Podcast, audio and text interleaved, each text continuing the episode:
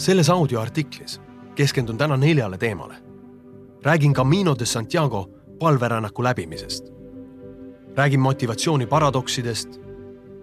räägin, mida teha siis, kui puudub motivatsioon.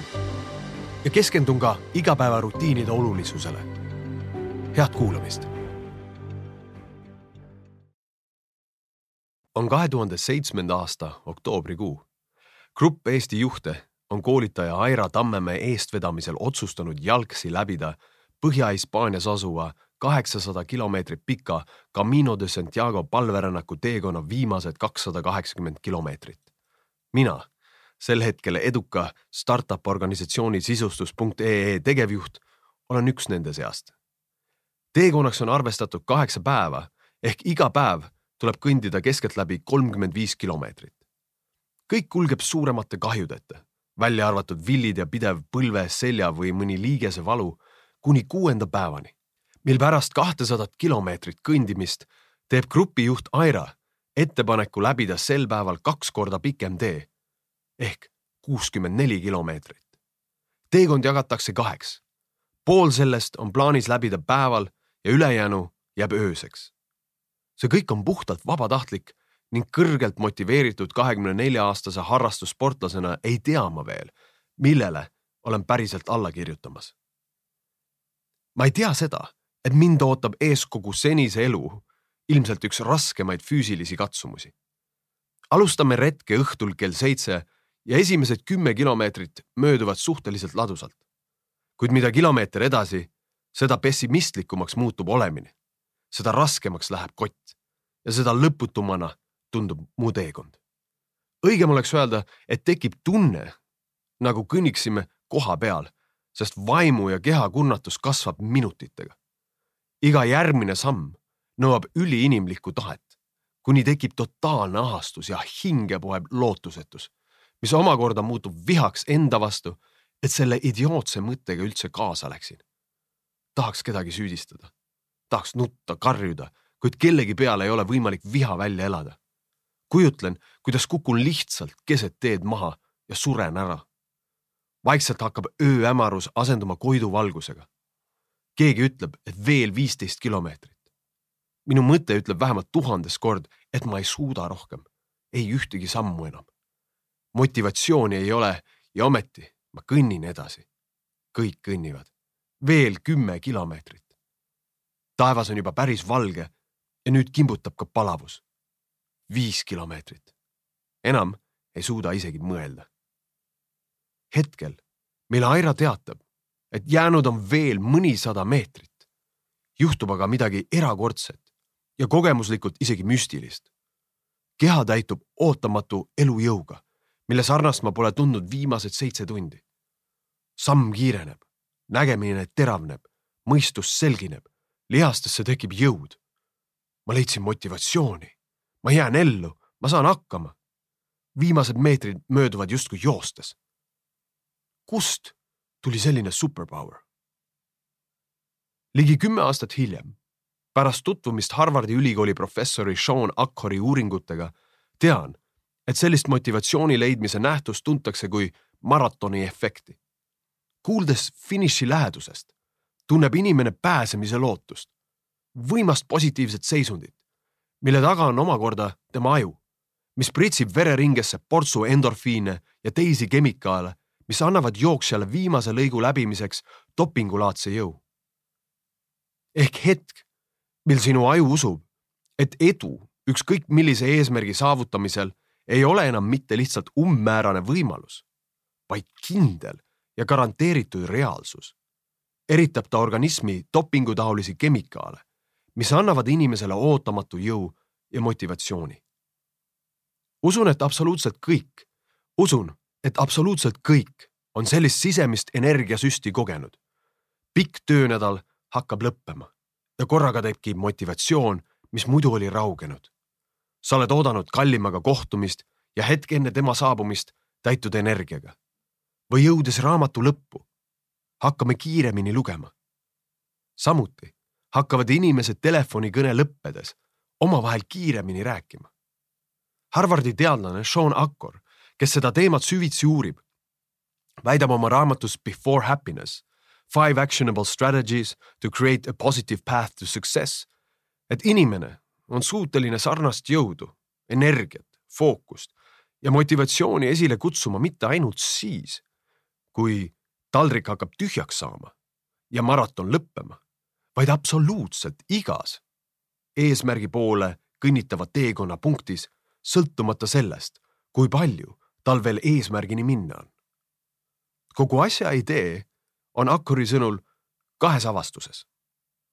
esiteks, mida lähemal me oma eesmärgile oleme, seda kiiremini selle suunas ka liigume. ja teiseks, tegelikkuses ei ole vahet, kui lähedal me oma eesmärgil oleme. loeb hoopis see, kui lähedal meie aju usub, et me eesmärgile oleme. ehk muutes seda, kui lähedal me arvame end eesmärgile olevat, määrame ära, kui kiiresti me tegelikult sinna jõuame. tundub, et intuitiivselt teab seda põhimõtet ka Elon Musk, keda tuntakse uskumatult ja esmapilgul ebarealistlikult ambitsioonikate tähtaegade järgi. isegi kui Tesla või SpaceX ei ole oma eesmärke tähtajaks saavutanud, on usk eesmärkide lähedusse tekitanud nendes ettevõtetes erakordselt kõrge produktiivsuse. iga kord, kui seame endale sihi, olgu see müügieesmärk, projekt, millel on mõni konkreetne tähtaeg või ükskõik milline muu isiklik, sportlik või tööalane eesmärk, teeb aju alati kolm paradoksaalset järeldust. esiteks, kaugus. mida lähemal on aju arvates eesmärk, seda kiiremini hakkab inimene liigutama. teiseks, kindlus. mida tõenäolisemaks aju eesmärgi saavutamist peab, seda kindlamini inimene selle ära teeb. ja kolmandaks, kergus. mida kergemaks aju eesmärgi saavutamist hindab, seda rohkem on inimesel selle saavutamiseks jõudu.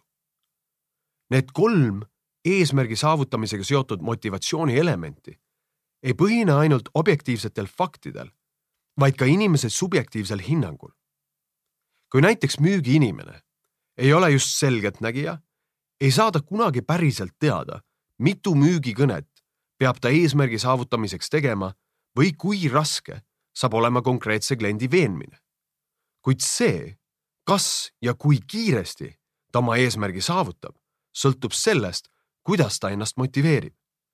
millist lugu ta endale teadlikult või mitteteadlikult eesmärkide kerguse, kindluse ja kauguse kohta räägib. mis omakorda määrab selle, millise motivatsiooniga ta oma müügikõnesid teeb. absoluutselt kõik seavad endale sihte ja unistusi, nii optimistid kui ka pessimistid vahe on lihtsalt selles, et optimistid loovad endale läbi tõlgenduse seisundi, mis kiirendab eesmärkide saavutamist. kuid pessimistid näevad juba eos raskusi ning loobuvad kergemini. vaatame seda lähemalt. esimene motivatsiooni paradoks.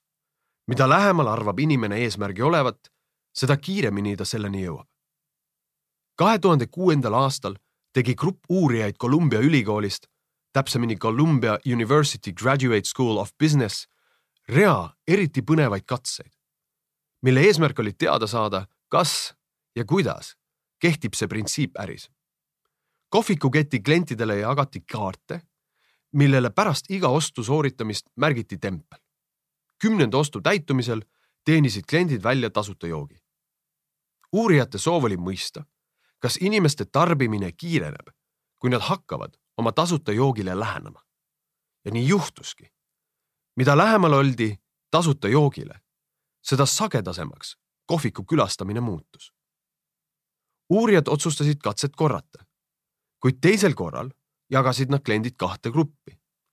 esimene grupp sai täpselt samasuguse kaardi, osta kümme jooki, saad ühe joogi tasuta. teine grupp sai kaardi, kus oli kiri, osta kaksteist kohvi ja saad ühe tasuta kuid kaks ruudukest oli juba ette tembeldatud. mõlemal juhul pidi inimene ostma kümme jooki. eesmärgini oli täpselt sama pikk vahemaa, kuid grupp kaks omas ideelist edumaad. seega grupp kaks nägi, et juba alguses on neil läbitud üks kuuendik teekonnast, kuid grupp üks polnud isegi veel alustanud. kui sa kuuluksid esimesse gruppi, siis esimene kohv viiks su eesmärgile lähemale vaid kümnendiku teekonnast ehk kümme protsenti. kui sa oleksid aga teises grupis, siis tähendaks esimene kohv, et sul on neljandik teekonnast, kakskümmend viis protsenti juba läbitud. kuidas see mõjutas katse tulemusi? inimesed, kes olid teises grupis ja kellele tundus eesmärk lähemal olevat, tarbisid kohvi ja kogusid templeid kiiremini kui need, kes olid grupis number üks. Nende motivatsioon suurenes. kohvikuketi katse näitab hästi, kuidas kõik saaksid oma eesmärke nii individuaalsel kui meeskondlikul tasandil efektiivsemalt sõnastada. Kuidas saada motivatsiooni ja energiat perioodilistest eesmärkidest? seades näiteks uue kvartali müügieesmärke, ärge alustage nullist, vaid lisage sellele eelmise kvartali viimase nädala tulemus. isegi kui eesmärk on müüa kümne tuhande euro eest, siis tõstke eesmärk üheteistkümnele tuhandele, kuid hoidke silme ees info, et tuhat eurot on juba müüdud. reaalne nõutav müügimaht on endiselt sama, kuid tõenäosus, et meeskond tegutseb efektiivsemalt, kasvab. Teine motivatsiooni paradoks mida suuremaks hindab aju tõenäosust eesmärk saavutada, seda suurema tõenäosusega me sellega saavutame. selle idee üks paremaid tõestusi pärineb golfist. kahe tuhande kaheteistkümnendal aastal ajakirjas Psychological Science avaldatud uuringus paluti golfimängijatel tabada auku ühe koma seitsme meetri kauguselt. katse nõks peitus selles, et videoprojektori abil kuvati augu ümber veel kuus ringi nüüd, et seda audiovormis oleks sul hea edasi kuulata, siis ma väga soovitan sul guugeldada praegu ennem kui sa edasi kuulad sellist asja nagu Ebbinghaus illusion ehk siis Ebbinghaus illusioon. see Ebbinghaus kirjutatakse E B B nagu kaks nõrka B-d, E B B I N G H A U S, Ebbinghaus illusion. Ja siis kuula seda teksti edasi ühesõnaga, eeldan, et sa oled nüüd Ebbinghaus Illusionit guugeldanud, siis küsimus on, kui sa vaatad seda, kumb keskmistest ringidest joonisel on suurem? nüüd ma eeldan, et sulle tundub üks keskmistest ringidest suurem, nagu peaaegu kõikidele inimestele, kes seda illusiooni vaatavad. tegelik vastus on, et mitte kumbki, ringid on täpselt ühesuurused. Tegemist on nii-öelda Ebbinghausi illusiooniga, kus keskmine ring tundub enamikele inimestele suurem, kui seda ümbritsevad ringid on väikesed. uurijad tahtsid teada, kas illusioon mõjutaks ka mängijate tulemusi golfis. mängijad teadsid, et augu suurus on sama, kuid sellest hoolimata tabasid nad seda oluliselt vähem, kui auku ümbritsesid suured ringid ja rohkem, kui augu ümber olid väikesed ringid. See on üks esimesi uuringuid, mille käigus õnnestus uurijatel demonstreerida, et mida kindlamaks meie aju edu šansse hindab, seda parem on sooritus.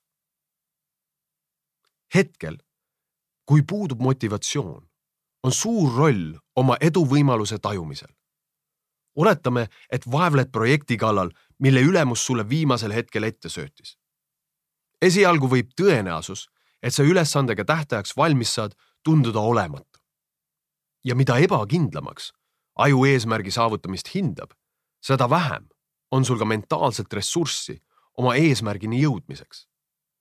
soovitus oleks sellisel hetkel meelde tuletada kõiki kordi, kui oled minevikus keerukate ülesannetega toime tulnud ja seda veelgi väiksema ajaga. enamik on unustanud, et koolis oli meil tihti vaja teha lühikese aja jooksul mitu mahukat uurimust ja me saime sellega aastast aastasse alati hakkama. sellele mõeldes suureneb tõenäosus, et ajule hakkab korraga tunduma, et praegune ülesanne ei olegi ehk nii raske ning mida kindlam on sinu aju, et saab mineviku näitel asjaga hakkama, seda kindlamalt see ka juhtub. motivatsioon tõuseb. enese motiveerimisel on lihtne ja universaalne põhimõte. mida lihtsamana me arvame ülesande olevat, seda paremini me selle sooritame näiteks Pong, on Atari poolt loodud mäng, mida on ilmselt mänginud iga eestlane. ühtlasi on tegemist esimese mänguga ajaloos, mis tõestas, et videomängude pealt on võimalik raha teenida. Pong käivitas nii-öelda mängude revolutsiooni ja viis kõikide teiste mängude, sealhulgas Tetrise, loomiseni. sisult on tegemist äärmiselt lihtsa mänguga, kus tennisele sarnaselt liigub ekraani vasaku ja parema serva vahel pall, mida on vaja üles-alla liikuvate reketitega tabada. mida kiiremini pall liigub, seda raskem on talle pihta saada. aastal kaks tuhat kümme tegid uurijad Jessica Witt ja Mila Zukovik katse, mille käigus jagati grupp mängijaid kaheks. üks grupp pidi mängima normaalse reketiga, kuid teine grupp sai mängida reketiga, mis oli venitatud suuremaks. palli liikumise kiirus oli mõlemal grupil sama. huvitav on aga see, et suurema reketiga mängijatele tundus, et pall liikus palju aeglasemalt kui neile, kelle reket oli tavaline. teisisõnu, mängija oletus palli liikumise kiirusest sõltus sellest, kas nad pidasid ülesannet juba alguses raskeks või lihtsaks. mis on loo point? olles silmitsi ükskõik milliste väljakutsetega, mõni pooleliolev projekt, keeruline ülemus või käibe kasvatamine majanduslanguse ajal, kus sulle peaks tunduma, et sinu võime selle kõigega toime tulla on väike, justkui sinu reket on pisike, hakkab sulle tunduma, et asjad toimuvad liiga kiiresti ja sa ei jõua väljakutsetega toime tulla. sinu sisemine motivatsioon kaob. kuid kui sa suudad näha oma reketit ehk võimet olukorraga toime tulla võimalikult suurena, siis tundub sinu ajule, et asjad juhtuvad kiirusega, millega sa oled võimeline hakkama saama. sinu sisemine motivatsioon taastub. üks võimalus, mida olen ise korduvalt keset raskeid olukordi kasutanud, on kirjutada üles kõik põhjused, miks ma peaksin raske olukorraga toime tulema ja märkida üles ka kõik oma ressursid, sealhulgas mineviku edukogemused, mis võivad mind aidata. See kõik on oluline, sest kolmas paradoks ütleb, et mida kindlamad me oma edus oleme, seda suurema tõenäosusega me sellega saavutame. on oluline luua endas seisund, kus meie ajule tunduvad asjad lihtsad. vastasel juhul arvab aju, et eesmärgi saavutamine võtab liialt palju energiat ning me anname oluliselt kergemini alla. kui tegeleme asjadega, mida me hästi oskame, ei ole meil probleemi töötada terve päev ilma eriliselt väsimata. iga kord, kui puudub motivatsioon, kui peame tulema toime olukordade või ülesannetega, mille suhtes ei ole meil oskusi, andeid või varasemat kogemust, võib pool tundi uudses olukorras tunduda raskemana kui mitu päeva harjumuspärast tööd. miks? mentaalset koormatust ja motivatsiooni reguleerib glükoos. see on aju kütus ja mida keerulisem ülesanne, seda rohkem glükoosi vaja läheb just nagu pärast füüsilist treeningut võib viiendale korrusele minek tunduda maratonile sarnase katsumusena, võib muidu lihtne ülesanne nagu e-kirjale vastamine või dokumendile pealkirja mõtlemine tunduda lootusetult raskena, kui oleme selle tegemise hetkeks mentaalselt kurnatud. just nagu ei ole mõistlik kohe pärast jõusaalis käiku minna sõbrale appi kolima, ei ole mõistlik teha kõige tähtsamat tööd vahetult pärast emotsionaalselt ja mentaalselt kurnavat ülesannet kui ma oleksin seda kõike teadnud, siis ehk oleksin osanud arvestada, et pärast kolmekümmend viit kilomeetrit palverännakut ei ole sama pika öömatka ettevõtmine mõistlik tegu. ehk kui edu sõltub sellest, kas me tajume asju kerge või raskena, siis mängib asjade õnnestumises tähtsat rolli tegelikult see, kui puhanud on meie aju. Seetõttu on uurijate soovitus teha tähtsamaid asju päeva esimeses pooles kõige olulisem on meeles pidada, et suurim motivatsioonipidur on alati inimese enda subjektiivne hinnang asjade keerukusele. kui miski meid väga väsitab, on tõenäoline et, et viiskümmend protsenti jõust võtab ära hädaldamine, mis meie peas sel hetkel käib. kuid hädahulk omakorda sõltub otseselt sellest, kui puhanud me oleme just sel põhjusel on psühholoogide soovitus teha kõige prioriteetsemad ülesanded ära päeva esimeses pooles. samuti ei ole hea leppida kokku kahte olulist kohtumist teineteise järel või planeerida kalendrisse mitut vaimu koormavat ülesannet üksteise otsa. päeval, mil pead tegelema raporti lõpetamisega, ei ole tark süüa lõunat probleemse kolleegiga.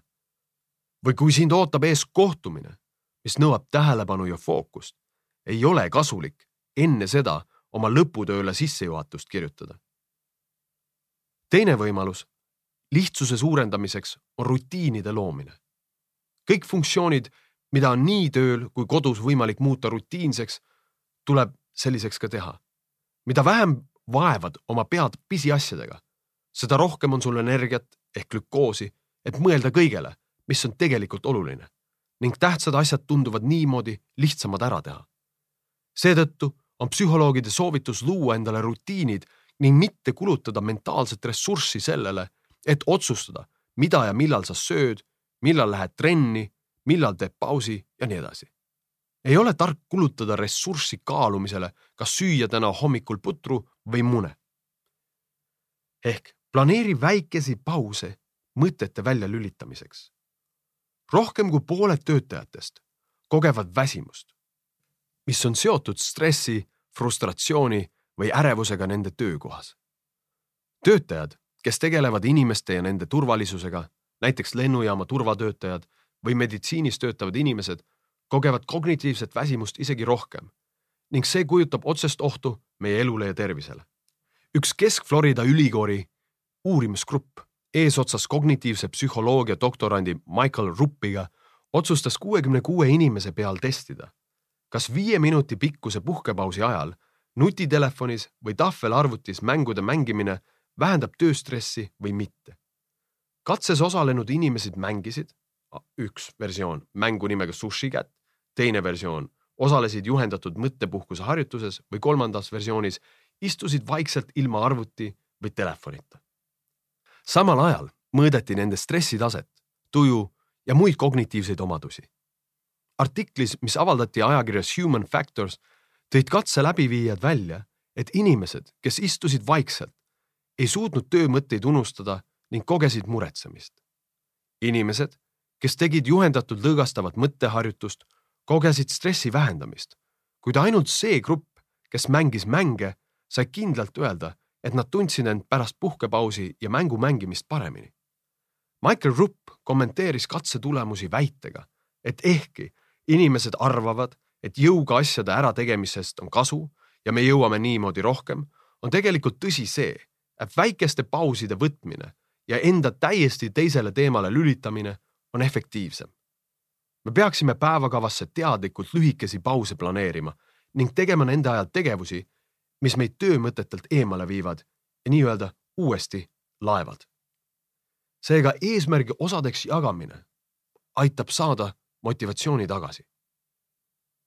kolmas võimalus lihtsuse tunde loomiseks on eesmärgi tükkideks jagamine kui motivatsioon tegutseda sõltub otseselt sellest, kui lihtsaks või raskeks aju asju hindab, mitte sellest, kui lihtsad või rasked nad tegelikult on, siis võib juhtuda, et kui mõni ülesanne on muutunud sinu jaoks liigselt koormavaks, kirjeldad sa seda endale raskemana, kui see tegelikult on. näiteks magistriõppe tudeng Mart, kes on ühtlasi Eesti populaarseima kohvikute keti juht, otsustab, et lõputöö edukus sõltub sellest, et ta töötab läbi kakskümmend valdkonna spetsiifilist raamatut, millest saadaval infol on väärtus ka tema ettevõtte arengule. Kui ta on kõik raamatud kokku kogunud ja näinud, kui suur hunnik neid tema laual on, asendub esialgne entusiasm meeleheitega. Mardi niigi äärest ääreni täis oleva graafiku juures tundub asi juba eos lootusetu. iga kord, kui ta plaanib võtta õhtupooliku lugemiseks, läheb tööl kauem või juhtub mõni eraeluline asi nädalad mööduvad ning Mart ei ole isegi alustanud. ahastus kasvab, motivatsioon langeb. Äkki tekib Mardil aga idee liita raamatutes olevad leheküljed kokku. ta saab kolm tuhat kuussada lehekülge. Mart teab, et tal on lugemiseks kaheksateist kuud ja ta saab lugeda iga kuu vähemalt kahekümne viiel päeval. kiire arvutus näitab, et ta peab lugema kaheksa lehekülge päevas.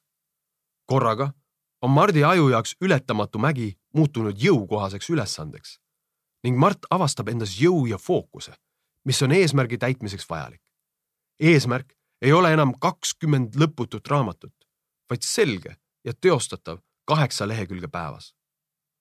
loo point seisneb selles, et võetud eesmärk peab ajule tunduma kerge, mitte raske. vastupidine kehtib samamoodi. kui aju usub, et eesmärgi saavutamine on raske, jääb inimesele eesmärgi saavutamiseks kohe vähem jõudu. mõnikord kulutab mõtlemine sellest, kui palju energiat on vaja eesmärgi täitmiseks kulutada, rohkem energiat kui asi ise. kokkuvõtteks. motivatsiooni leidmine on seega piltlikult öeldes aju ärapetmine ja see on palju lihtsam, kui esialgu tundub. jaga eesmärk väiksemateks osadeks, usu, et eesmärgi täitmine on lihtne ja juba päris lähedal ning kõik laabub justkui iseenesest.